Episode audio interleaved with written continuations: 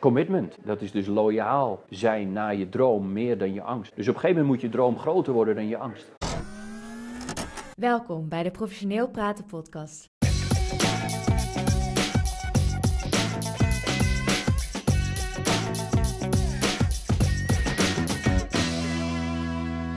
Je bent al best wel, eh, best wel een tijdje bezig met leren over eh, hoe mensen werken, het onderbewustzijn. Wat is daarin een soort van, en misschien is dat iets, iets persoonlijks, dus deel erin whatever jij wil, maar wat is daarin een soort van het meest belangrijke inzicht voor je geweest? Of misschien één van die momenten waarin je echt een soort van switch hebt gekregen in je hoofd. En, en ehm, er zijn vast een heleboel van die open deuren van volg je, weet je wel, leef zoals je wil en die, die type dingen, maar dat hebben de meeste mensen denk ik wel gehoord. Wat is iets wat misschien ook onverwachts is? Ja. Misschien iets heel kleins of zo. Ja, Eh, nou, dat het onderbewustzijn de hele waarneming eh, controleert en stuurt.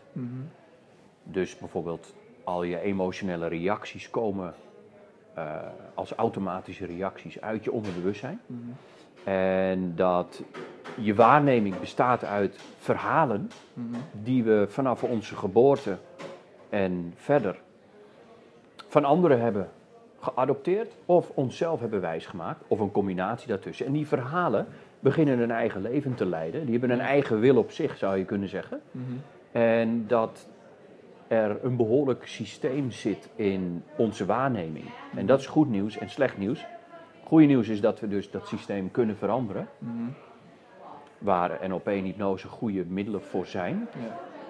En het slechte nieuws is dat ja, als je niet de middelen hebt om dat te veranderen, dat je slachtoffer kan zijn Ja, van zo'n story die in je hoofd zit. Ja. En nog een stap verder, wat mij gigantisch verraste, was dat zo'n story herken je op het moment niet als een story, maar als dat dat echt zo nou is. Ja. Ja, en, en het is als het ware een bril waar je doorheen kijkt, die je dus niet kan zien. Ja. Het is als het ware iemand die, zijn bril, eigen realiteit. iemand die zijn bril zoekt Mhm. terwijl hij op zijn hoofd zit. Ja.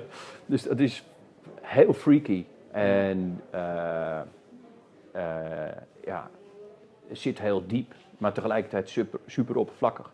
Om, om je eigen stories te herkennen en hoe hard ze vechten om in leven te blijven.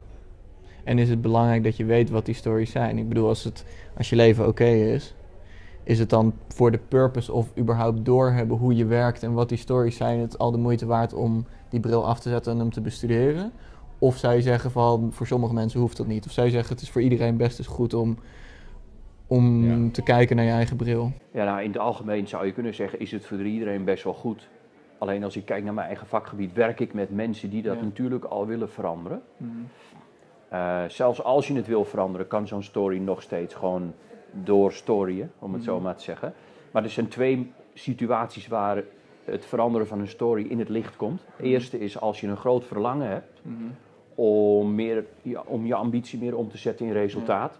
Of als jij een heel groot doel of droom hebt dat je wilt waarmaken. Vaak de meesten die weten dat ze iets moeten veranderen, Precies. maar weten nog niet hoe of dat, dat toch? Precies, dat is de eerste situatie ja, waar mensen dat dus tegenkomen. En in het veranderen van de story zie je dus, en dat is het derde verrassende, wat mij eh, in, mijn zoek, in mijn leertocht en zoektocht is opgevallen, is dat het onderbewustzijn creëert een scenario op een gegeven moment, waarin de story opnieuw getriggerd wordt, maar tot zo'n intensiteit dat je terug omdraait en zegt, ja, ik ga het niet veranderen, ik kan het niet veranderen, omdat je op dat moment denkt, ja, ik ga mijn zekerheid Dus dan verliezen. heb je het systeem dat de story krachtiger is dan voor die mensen op dat moment hun wil om het te veranderen. Precies. Een mooi voorbeeld daarvan is bijvoorbeeld iemand die fulltime wil gaan coachen, Ja, maar niet zijn baan wil opzeggen. Ja. En altijd blijft bij de baan. ja, En de meeste mensenlevens is een uitdrukking van exact die angst. ja. Ik heb niet echt gedaan wat ik wilde, ja. Of ik doe niet echt wat het, ik eh, wil. ken je het boek toevallig The War of Art van Steven Pressfield? Nee. Heel mooi boek daarover. Ja. Dus dat, is, thema. eh. Ja, nee, is dat, dat, dat is het vergelijkbare thema van mensen die eigenlijk wel weten wat ze willen, maar het niet doen. En het boek gaat over een aantal van die redenen en wat je daaraan kan doen.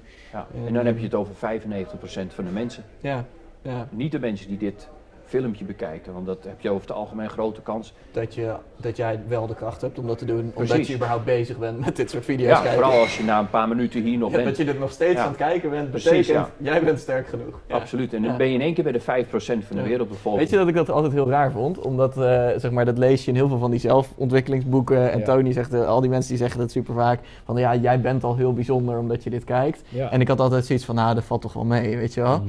En eigenlijk nu pas, nu ik meer met bedrijven werk en, en hè, wat meer zie van eh, hoe, het, hoe het eraan toe gaat, Ja. ehm, eh, zie ik dat dat inderdaad klopt. Hoeveel mensen eh, niet een video als deze kijken. En misschien herken je dat wel als je kijkt op in het bedrijf waar jij werkt.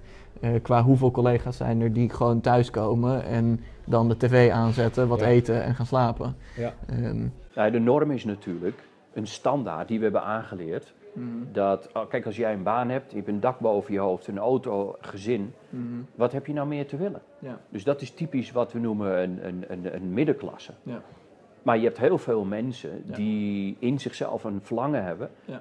wat normoverschrijdend is. Dus het kan een intern Zeker in de nieuwe conflict zijn. generatie, in de millennial generatie, Precies. er zit dat veel meer Ja. die behoefte van ik wil meer dan alleen maar een baan. Precies, en dan Ja. komt de keuze van oké, ga je. En dan zie je dat het onderbewustzijn ehm, omstandigheden creëert waarin je steeds weer terug in het oude systeem gestopt wordt met je eigen wil, lijkt het. Omdat die story. Wat, wat voor advies zou je aan zo iemand geven die, dat, die in die situatie zit? Dus iemand die, dus je, je weet wat je wil, je weet dat je dat eigenlijk wil gaan hebben, maar je merkt er is iets van weerstand of, of wat. Wat is een soort van ding Ja. wat je zou ge- meegeven aan zo iemand? Commitment. Dat is dus loyaal zijn naar je droom meer dan je angst. Dus op een gegeven moment moet je droom groter worden dan je angst. Ja, Of als je het idee begrijpt nu van hé, hey, als ik dus op een gegeven moment die stappen wil maken, dan kom je automatisch in omstandigheden terecht waar je enorm uitgedaagd wordt om toch door te gaan. ja, En, als je, en, en elke keer heb je weer de keuze om te stoppen of door te gaan. ja, En het enige doel wat je hoeft te doen is gewoon door te lopen. Ja. Gewoon doorgaan. de Churchill is dat toch? When you're going through hell, keep going. ja. Precies. Ja, maar ook wanneer je door eternal bliss gaat of door positieve staten, kun je ook keep gewoon going, because you can go even further. Ja. Het is bijvoorbeeld mensen die hun eigen bedrijf gestart hebben, die hebben heel veel uitdagingen gehad. Sommigen stoppen, Mhm. sommigen gaan door. ja. Ja, Cool. dat, dat is hetzelfde.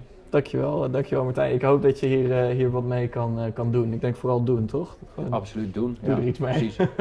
ja, cool. Thanks. Ja, jij ook bedankt. Dat was leuk.